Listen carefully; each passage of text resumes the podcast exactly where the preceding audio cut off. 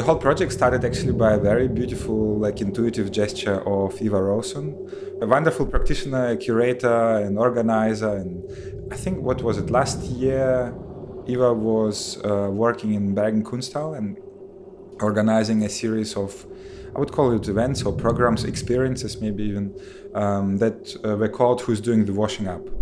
And who's doing the washing up? Uh, is strongly concerned with not just with the notion of infrastructure in cultural institutions, but also comes from a very strong, like, uh, you know, fe- feminist perspective on um, who is getting acknowledged, who is not, like, who is referenced basically yes who's doing the washing up you know like most of the cultural institutions run on so much invisible labor for instance you know uh, not just internal labor but you know people who write funding applications and taking care of programming and all this and you know people who are doing education or learning programs and these are kind of also the last people to be acknowledged also predominantly also women and there's like a whole range of things happening around that and from her feeling and from getting to know uh, art scene in Bergen, she got to know Maia Urstad, who is unbelievable uh, sound, radio, music practitioner with like a long history of wonderful projects and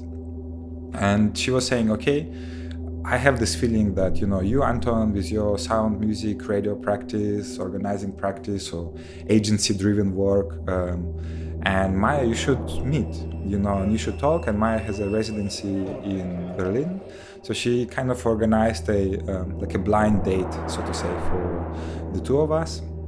And I went to visit Maia in, uh, in her residency apartment.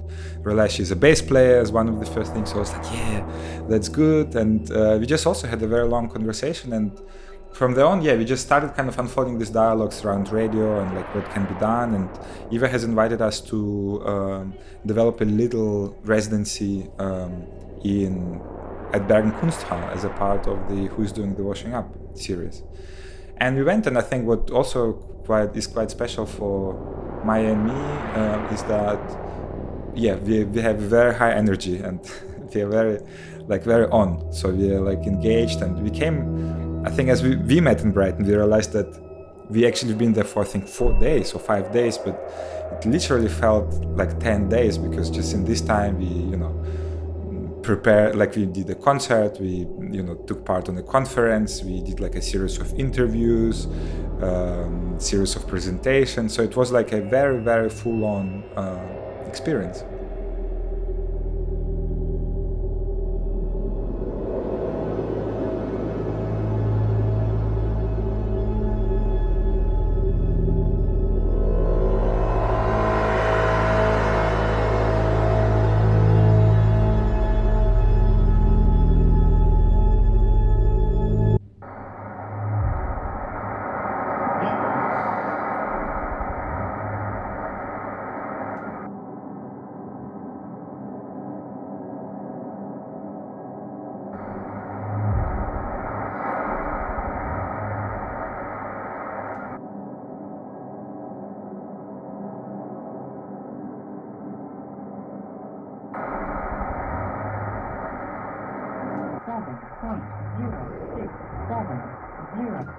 The concert that we made that is also like heavily based on uh, improvisation or like responding to particular issue or environment or questions in your practice like in a very practical way.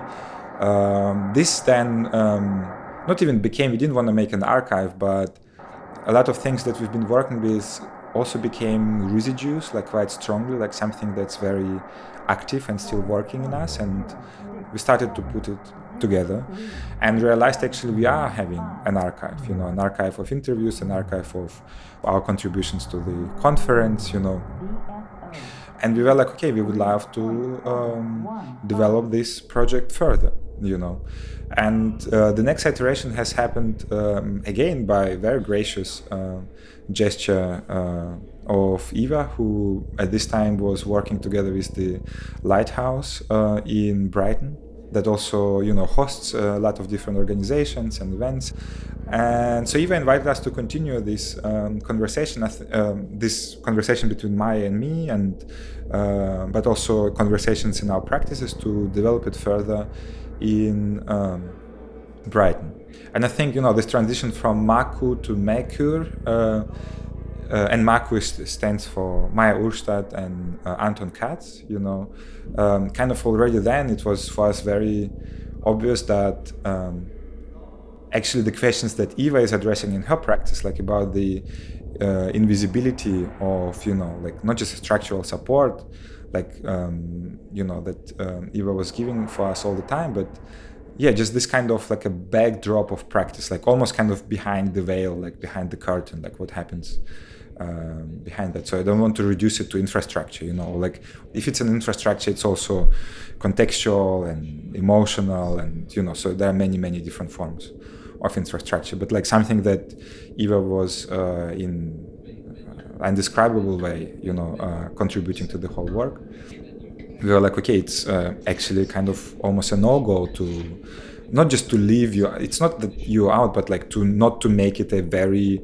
same eye level, very comp- like coherent way of you are part of this collective. It is actually kind of initiated by you, and as much as we are in the foreground doing all the uh, not all the but uh, juggling and you know putting things in space and uh, doing concerts or whatever it is, like something that's like might at some point look flashy or you know exciting or whatever it is like you're doing super exciting things as well you know and it is not thinkable without you and it is actually crazy that you are not in on this in the same way on the map as we are you know. So we actually have to open these questions and really to bring them up front uh, a little bit more and also use this whole platform to amplify actually what you're working through in your work page 5 main menu page main menu page 7 of 9 tablet information Wi-Fi Wi-Fi signal please wait.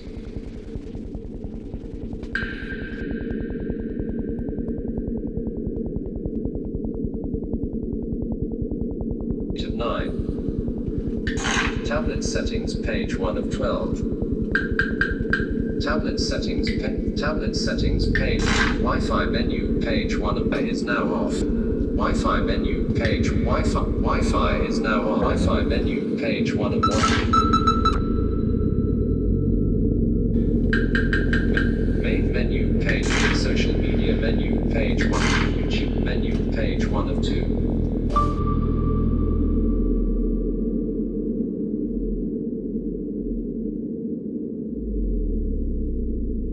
Eva came also like in this thinking space uh, much more, you know, uh, not just like, ah, okay, now I let the two artists uh, do whatever they're doing.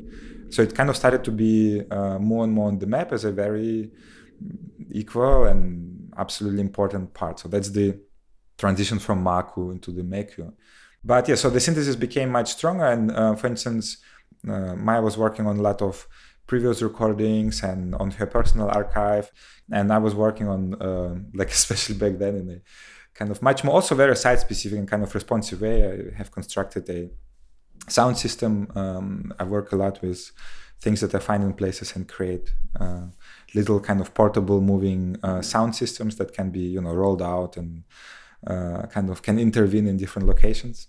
So and then like my contribution was kind of a much more like a technoid, uh, let's say, very like rhythmically pumping and uh, response to the experiences we've been making in Bergen. Like one of this was a visit of um, Bergen Kringkaster, one of the oldest radio stations that still it has an unbelievable radio kind of museum objects and it still is functioning. And uh, we've been speaking a lot with Øystein uh, Ask, a part of many other things, is a practicing radio uh, amateur ham radio operator, and he's been uh, explaining this notion of a um, radio diode and uh, basically like this idea. It's kind of just brought radio like all the way through to alchemy, like to this idea that you know there is a form of radio that um, through crystals, I think quartz crystals no like that unknown need in power can be triggered just by the radio waves alone. So there's kind of this intersection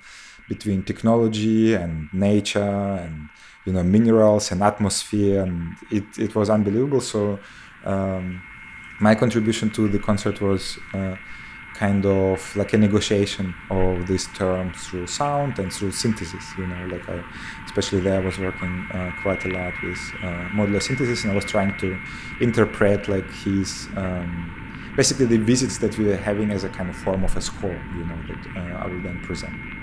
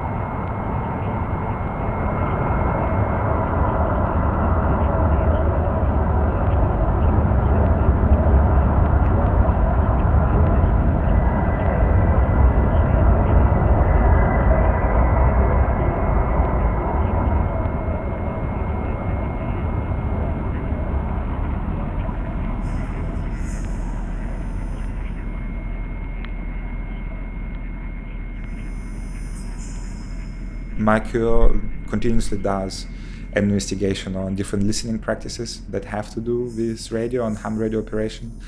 We went um, and spoke with local radio amateurs and in or organized an event in in the lighthouse that has also invited uh, radio practitioners from Radio B.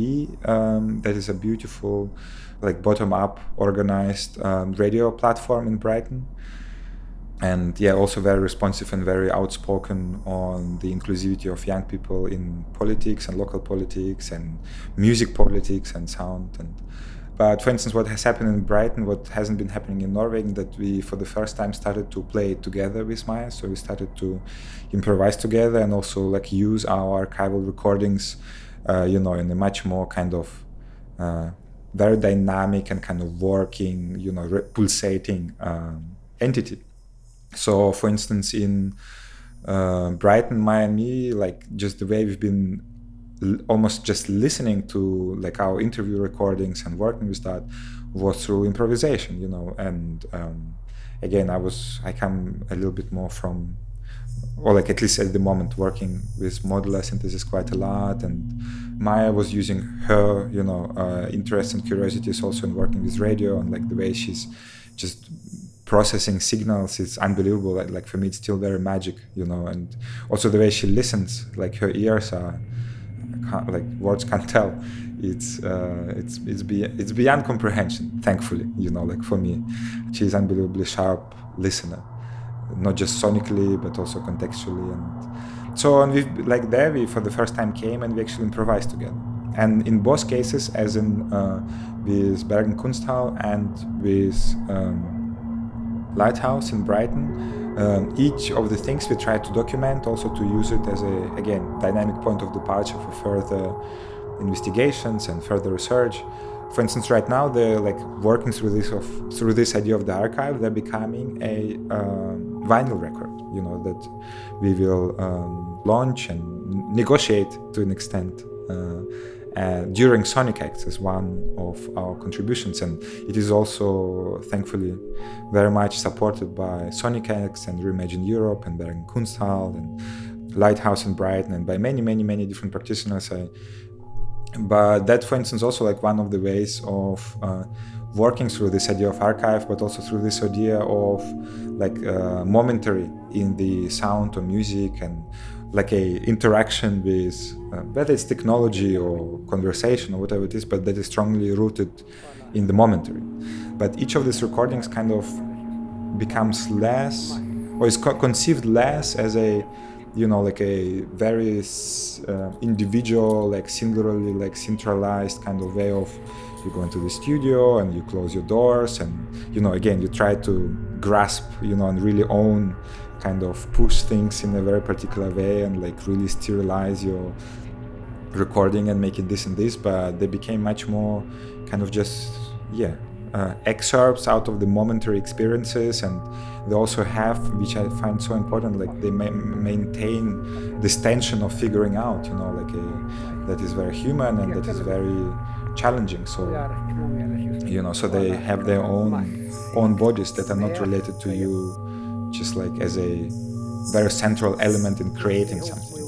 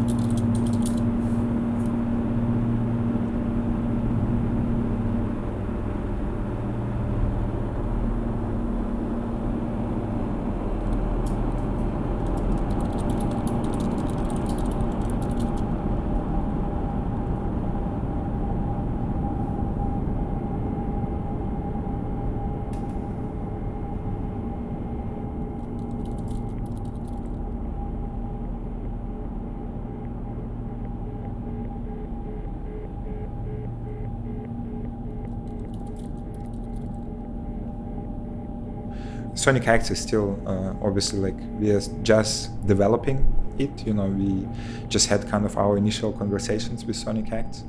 Now with Eva being like an absolutely like crucial, you know, equally important part of the program, we still like we will further develop this idea of eventually we'll have like a listening space, you know, in which from which we will conduct research or negotiate research in one way or another, present research eventually also from the space.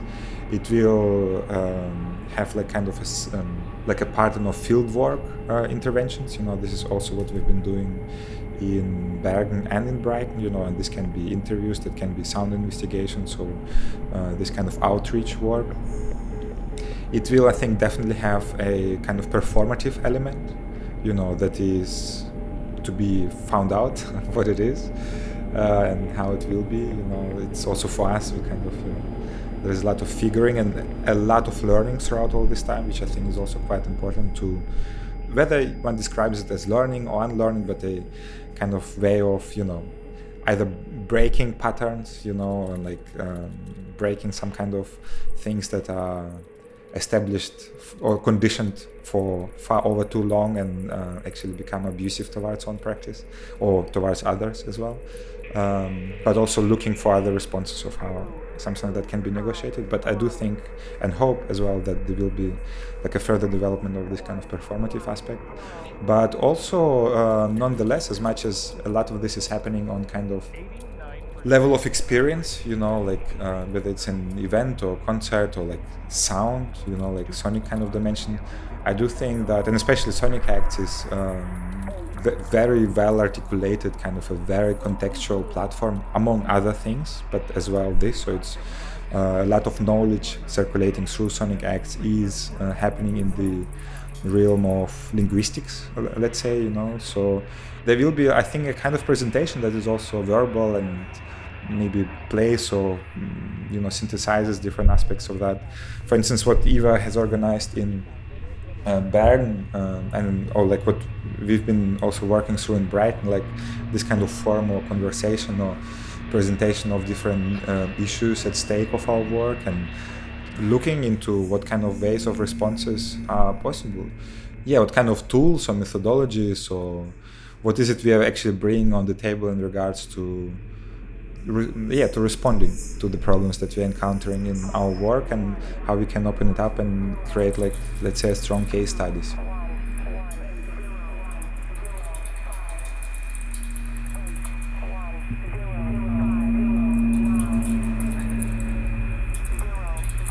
What we are trying to do or at least from my perspective is also to make the practice we are developing um, useful for others you know. So in that sense i guess the abundance we're dealing with, whether it's archival or contextual or infrastructural, even like funding and like all these kind of things. It's an attempt also to deconstruct it and provide access to this infrastructure. You know, so I guess the question of access is maybe what combines both the ephemerality of things and the kind of very hardcore dimension of things.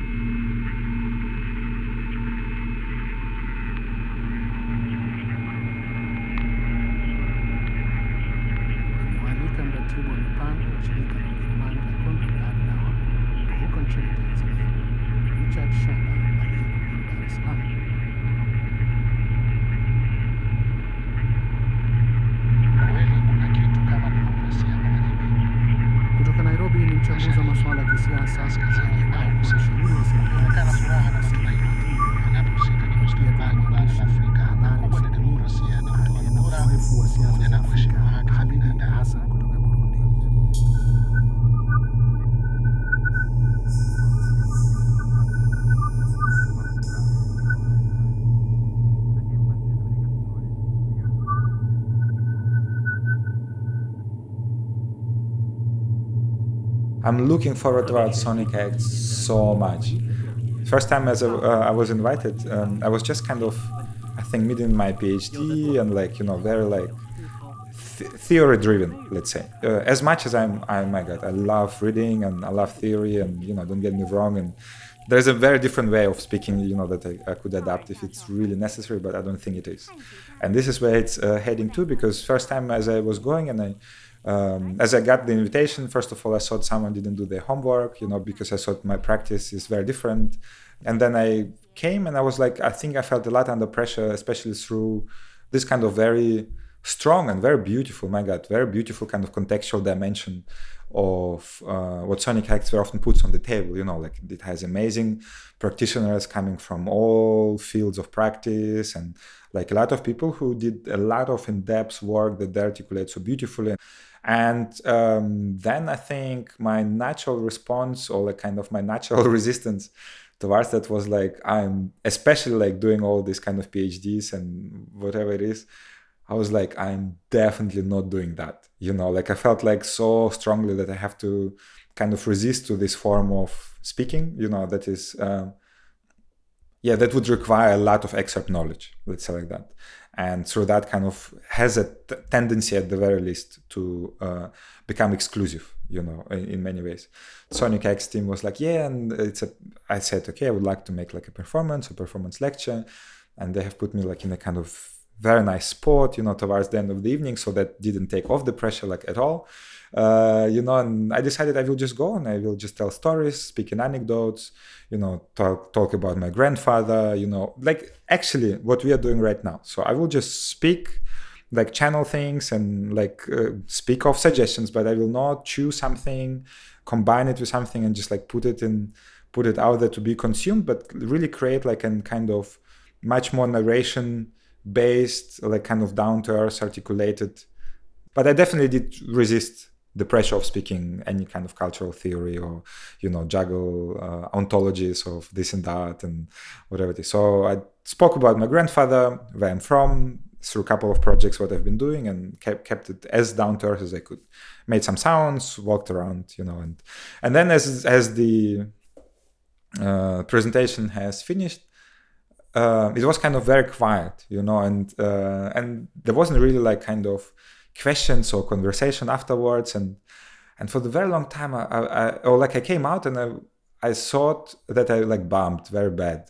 You know I was like oh my god you know was so off and like it didn't connect and all that. And uh, and it really worked in me for I think like a couple of months to say the least you know because I, dared to do something that I found intrinsically very honest with myself and I was like oh, I didn't connect but uh, on the other hand, there was this counterpower of saying, "Oh, Anton, you know, like it was very kind of honest and on the edge moment." And I always, you know, uh, also try to put myself on the, yeah, I think just the margin of your comfort zone or beyond it is actually where the actual work is happening and where you learn or unlearn something. And then I realized actually I had this realization that I had the feeling that you know, as I was there, that not to say that I understood everything that was there, but I had a feeling that okay, I, I get it. You know, I understand how this kind of you know theory discourse or contextual discourse works. And then I was like, okay, but wait, if nothing is coming, is actually I had a feeling that you don't get me eventually. But I was like, wait a second. I get how it works. Like I understand all now, not Sonic Acts, but I understand how symposiums and forums and conferences work and how you present a paper or how you do like a particular form of presentation or even like speaking of myself as well, performance lectures. But uh, I had a feeling that okay, there is a different type of practice that I'm dealing with, like that comes from a discursive field that I'm partially embodying, or it comes from a very different context, and I understand this field, some kind of coordinates within of that, and it's very important to support, you know. So I was very, very good about this at some point, and this is actually something that still is continuing throughout my work. Is this um, kind of not giving in to, uh, you know, kind of um, assumed ways of how things should be presented or what knowledge is or how meaning is negotiated and really embracing this kind of you know not knowing and the beyondness of what's happening in a pragmatic way.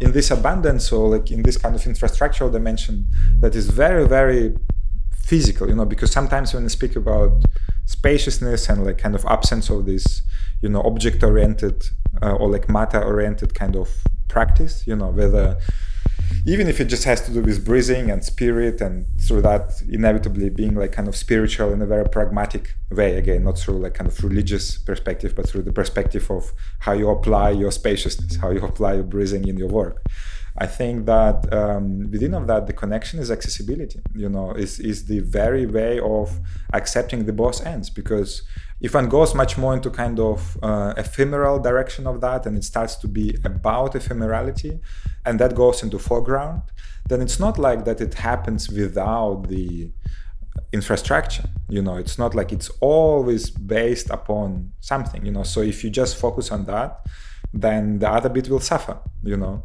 So if you go into the other bit too much and it just becomes like you know like a grinding on like merrily not merrily i shouldn't reduce that but like it's just a grinding of infrastructural questions and you know verbalization stuff like that and you forget kind of the ephemeral or kind of um, like um, aesthetic dimension of that as well then it also loses a lot of potential you know? So i think the uh, the trick which I have no, you know, formula for that. It's to be negotiated, I think, in uh, like in a much more applied kind of dynamic way than just to speak about this on a distance.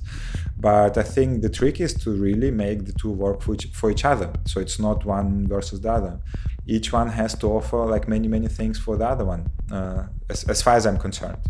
And I guess uh, maybe the question you're posing is also kind of a question of translation, like how one translates one into another. And um, recently, for myself, I kind of discovered this very beautiful, um, you know, temporal dimension of translation, namely just through kind of uh, merging it into translateness you know so it has like a something really late in it you know so translateness like i don't know whether like let's say i just coined this word uh, just for for the sake you know i'm not sure whether someone else did anything on that but like um so if it's translate you know so it, it's uh, over something and it goes beyond and has to do with being late or temporarily kind of off point um, so it kind of this either not yet understanding like being too late for understanding anything uh, or not yet understanding anything you know. And i think that the accessibility or the communication between the two happens in exactly this kind of liminal space you know where the tension between the two is being negotiated in that sense, for me, it's not uh, not really contradictory. The kind of the pragmatics uh, of infrastructure on the one hand, and the aesthetics of kind of you know artistic outcome and so on.